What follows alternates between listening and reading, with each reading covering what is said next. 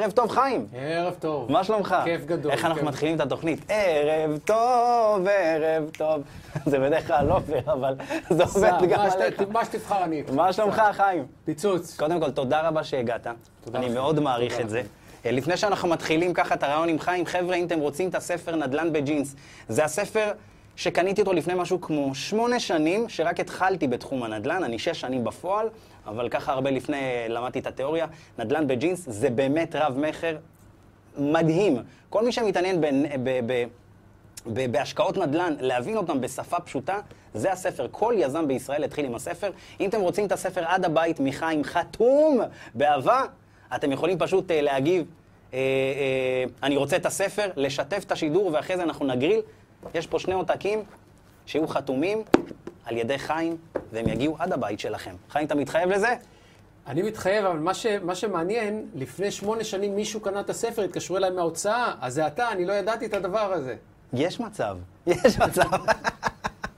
אז ערב טוב לחיים. ערב טוב. אה, ככה, רציתי לשאול אותך באמת אה, כמה שאלות, כתבתי כן. כמה שאלות בשביל שככה נהיה. אה, אה, מדויקים. אה, כתבת בספר שהשקעות נדל"ן הן דרך חיים. כן. למה הכוונה? תראה, הקו הכללי ש, שצריך להבין, וזה חלק מהטעויות הנפוצות, השקעת נדל"ן היא המטרה. אני רוצה דירה, אני רוצה דירה בפתח תקווה, אני רוצה דירה בחיפה, אני... לא, לא. הדירה היא אמצעי, או ההשקעה היא אמצעי לחיים טובים יותר, להכנסות עתידיות, להכנסות פסיביות, להגדלה של ההון, לרווחת המשפחה, לילדים. יש המון מטרות, אבל זה רק הכלי להשגת המטרה. עכשיו, בדרך כלל, רוב האנשים היותר אה, מתמחים לא נעצרים בפעם, בפעם הראשונה. קונים את הנכס, משלמים, מורידים קצת את המשכנתה, מגייסים עוד טיפה הון עצמי, קונים את הנכס הבא וקונים את הנכס הבא. אנשים שאני מכיר שעשו את זה, מי קראו את הספר, היו בהרצאות, שמעו את זה, מדברים על שלושה נכסים בעשור. בוא תחשוב עכשיו, שני עשורים, שישה נכסים.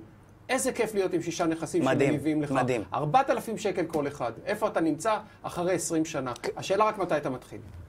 כמה לקוחות כאלה שבאמת ליווית, אה, הגיעו ל- לחופש הכלכלי הזה שכולנו משתוקקים להגיע אליו? ו- וכמה אושר זה נתן לך? תשמע, אני אושר- מעריך, אני מעריך מאות. אני מעריך, מאות. אני מעריך מאות, אני פשוט, אנחנו עושים כל הזמן כנסים וכן הלאה, ואני שומע אותם, ובאים אליי ואומרים לי, אתן לך סיפור, אנקדוטה מאוד מאוד מעניינת. בחורה שעבדה בדה מרקר, אוקיי? והייתה, אה, עסקה גם במוסף הנדל"ן. לפני, אה, עד לפני עשר שנים או שמונה שנים, היא הייתה למעשה זו שעושה את המודעות, כשאז היה עוד מודעות לא דיגיטליות, מודעות בזה. היא הייתה מתקשרת למתווכים, אתה רוצה מודעה גם השבוע, אתה רוצה... הייתה מוכרת מודעות, מוכרת את השמונה מילים, אתה זוכר אותם שהיו פעם? זוכר, אני עדיין מפרסם. אנחנו נפרסם שם. זה מה שהייתה עושה בחיים. ואז יום אחד התחילה לקנות. היא באה אליי פשוט יום אחד, והיא אומרת, תשמע, התחלתי והתחלתי, קראתי את הספר שלך והתחלתי והתחלתי והתחלתי. לפני שנתיים יצאתי לעצמאות כלכלית, יש לי תשע דירות וואו. בחולון, שבע מהן מקריית שרת. בסדר? בלי שמות. דירה בחולון מקריית שרת היום עולה סביב מיליון 200, מיליון 300, מיליון 400, שכירות של סביב 4,000 שקל, תשע דירות, 36,000 שקלים, 10 אחוז מס. וואו. הגברת חיה טוב, היא אומרת לי, אני בים היום, אני בים. תשמעי, מסיר את הכובע, לקחת את זה כל כך רחוק, כיף לא רגיל. השאלה אם הייתה לה התחלה שהיא אה, אה, ריפוד נוח להתחיל איתו. הריפוד הנוח היה למעשה בתקופה ההיא שהדירות היו אחד יותר זולות, שתיים שאפשר היה להשיג מינוף של 70 ואפילו 80 אחוז, ועם EMI היא התחילה ב-90 אחוז. זאת אומרת, ההון העצמי היה- שהיה נדרש היה, היה יותר קל לעשות את זה אז, אבל זה לא אומר שהיום לא ניתן לעשות. אז באותה תקופה היום לא נגיע לתשע דירות, אבל אפשר להגיע לשלוש דירות באותו זמן. שזה גם, אה, שיתופים, שיתופי פעולה, אפשר לעשות את זה. עכשיו, רציתי לשאול אותך על, על סוג ההשקעות ורמת הסיכון. כן. אין השקעה טובה וגרועה, אתה יודע, יש להתאים באמת, אתה יודע, אה, השקעה באמת לאופי. האם לכל אדם מתאים להשקיע בחו"ל?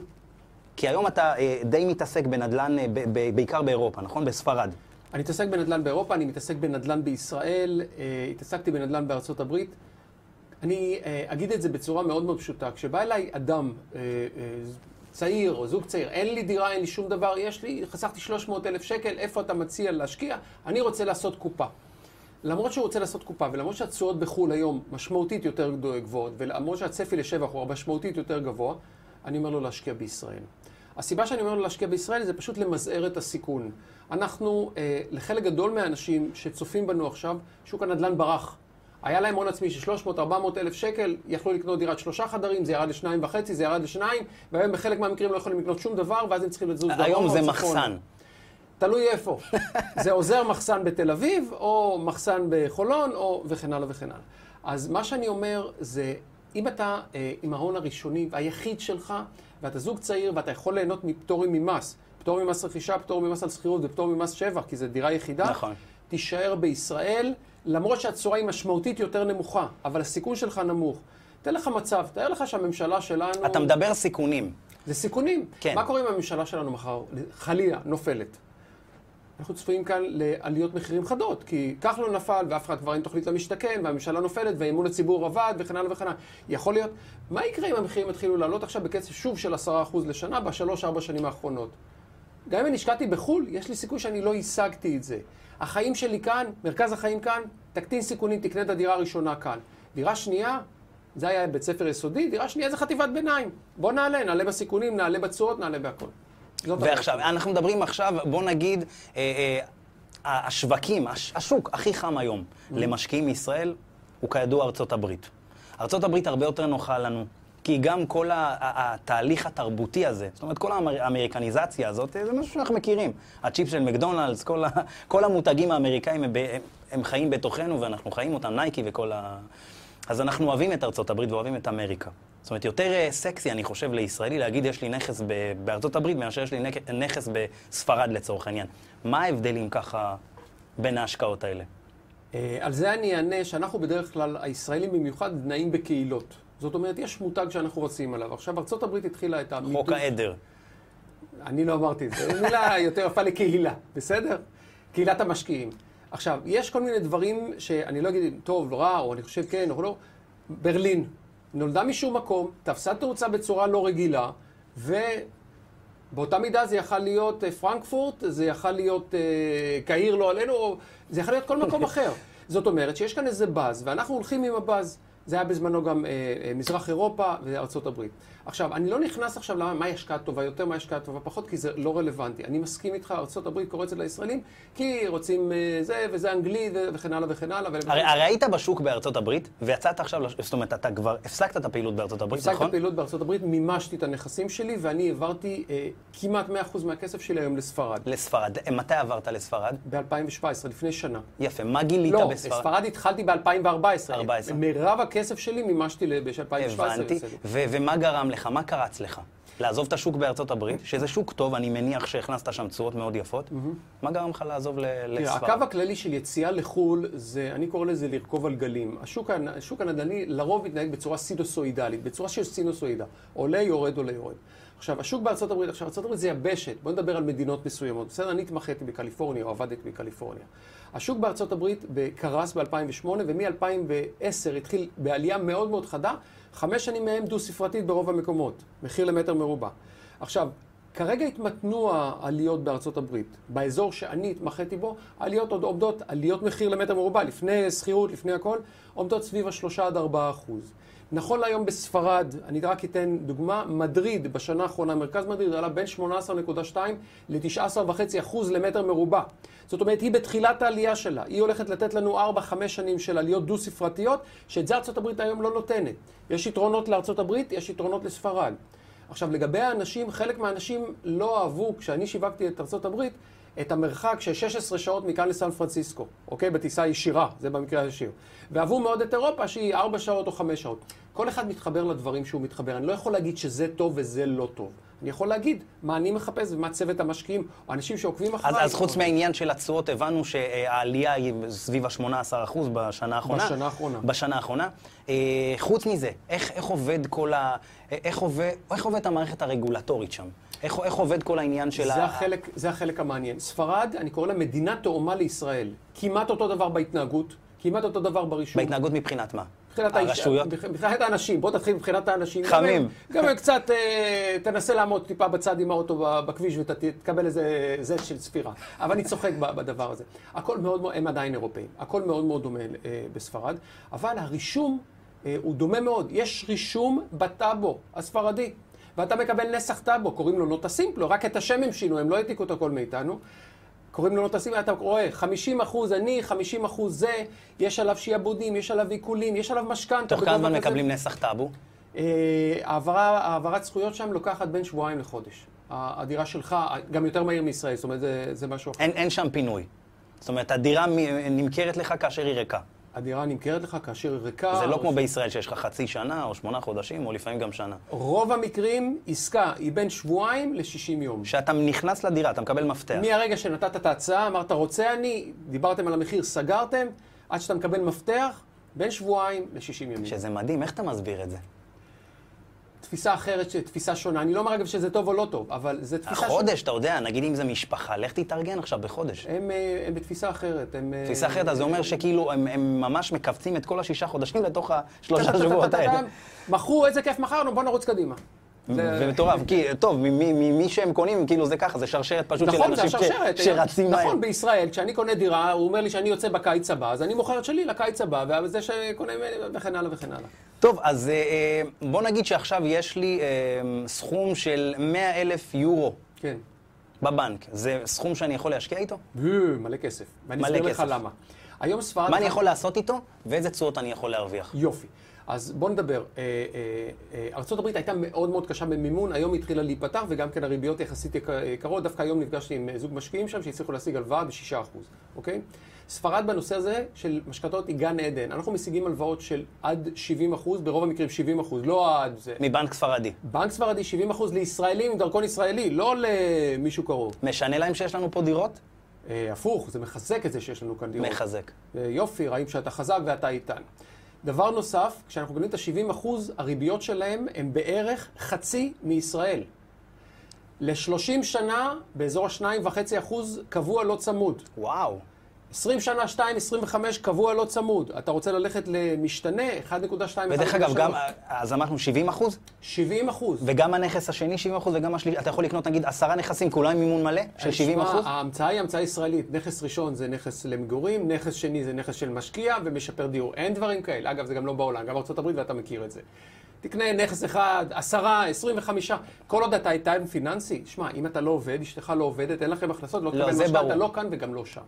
אבל אם אתה מראה יחס החזר, איתנות פיננסית בסיסית, שהיית מקבל בישראל, אתה תקבל גם בספרד משכנתה. 70 אחוז, זה המספר. 70 אחוז. אז אמרנו, נגיד, מ-100 אלף יורו, שזה סביב ה-420 אלף שקל. נכון, היום יורו עומד על 4.2, אה, קרוב משהו. ל-4.3. 4.3, אתה- כן. אתה כל הזמן משתנה בעשירית הזה. נכון. אה, אז מה אני יכול לעשות? איזה תשואה אני יכול להרוויח? קודם כל, אתה יכול, בספרד, במרכז העיר, עוד פעם, אני יכול לצאת מהעיר, אבל במרכז העיר... וכשאתה אתה אומר ספרד, הרי בתכל'ס ספרד זה מדריד, ברצלונה זה הערים ה... ברצלונה כבר התייקרה קצת יותר, התייקרה. למרות שהיא עדיין מעניינת. אז אתה עובד במדריד בעיקר? מדריד, מי שרוצה. אם אתה רוצה בתי נופש, אה, אחוזות, זה, אנחנו יוצאים, קסטיה למנצ'ה ואזורים לא, אנחנו מדברים על 100 לתל אלף יורו. בואו נדבר על דברים, אתה יודע, השקעות שדומות קצת לארצות הברית. 80 אלף יורו אפשר לרכוש... אה, 80,000 ארבע- יורו? ארבעה דונם, אה, עם, אה, דונם. עם אה, בריכת שחייה ומגרש טניס. בכמה? 80 אלף יורו. באחד הפוסטים שהעליתי, העליתי... במדריד? ארבע- לא, לא במדריד. לא, לא. בוא, אני מדבר איתך על מדריד.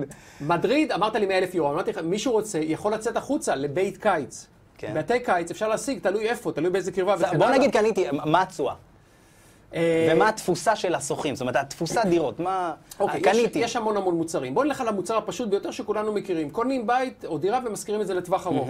התשואות ינועו בין 5 ל-7 אחוז. זה המספר תשואה מניבה, אוקיי? לפני עליית ערך, לפני כל דבר, לפני מימון, לפני הכל.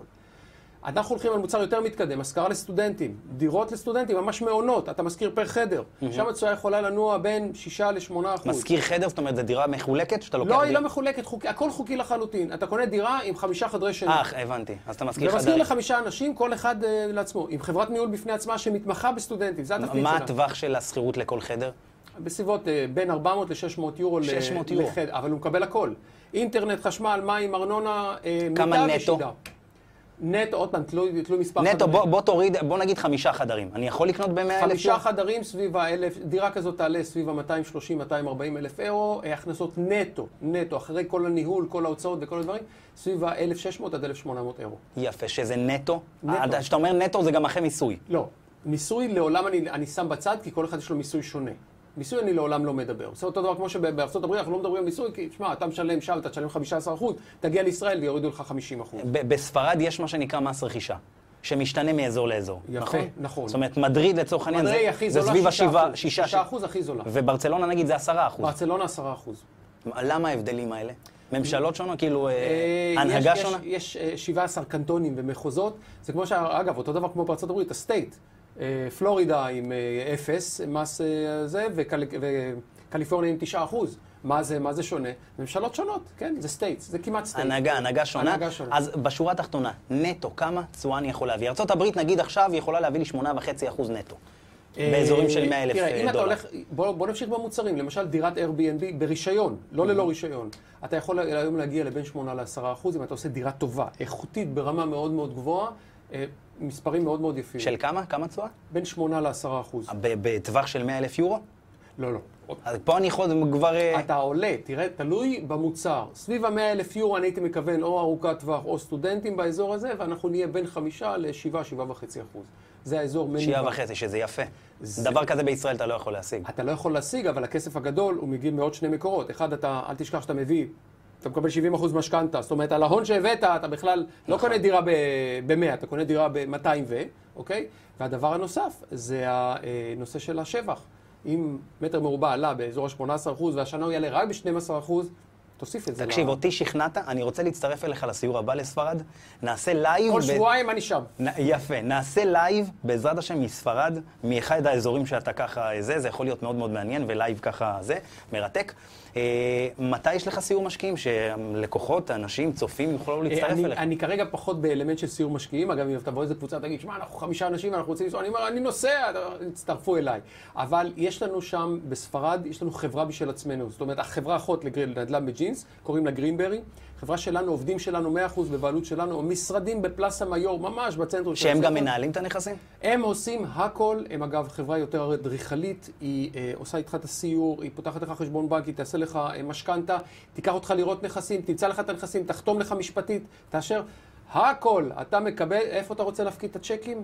אגב, בחשבון ה... דרך אגב, עוד. שאלה קטנה ומאוד חשובה, כמה, א- א- איך עובד בעצם השכר טרחה שלכם? כי אתם כנראה לא עובדים בחינם. אנחנו זה גובים- מגולם ב- אנחנו במחיר גובים הנכס? שכר דירה... אה, שכר- שכר טרחה. נכון, אתה צודק. אנחנו לא גובים שכר דירה, שכר דירה זה לאחר. שכר הטרחה שלנו מגולם בתוך, ה, אה, בתוך העסקה בצורה שקופה לחלוטין. אנחנו אומרים כמה אנחנו לוקחים, ותקרא, אתה יכול לקרוא לה תיווך לצורך העניין. אנחנו רושמים, רושמים בדיוק כמה אנחנו לוקחים. מעולה. וזה תלוי מה אתה רוצה מאיתנו. חיים, תודה רבה שהגעת אלינו, אבל שנייה, גדול. שנייה לפני שאתה הולך, בוא נבדוק אם יש פה שאלות. אה, בוא נראה אם שאלו אותנו שאלות, ככה בשביל שנוכל לענות. בוא נראה.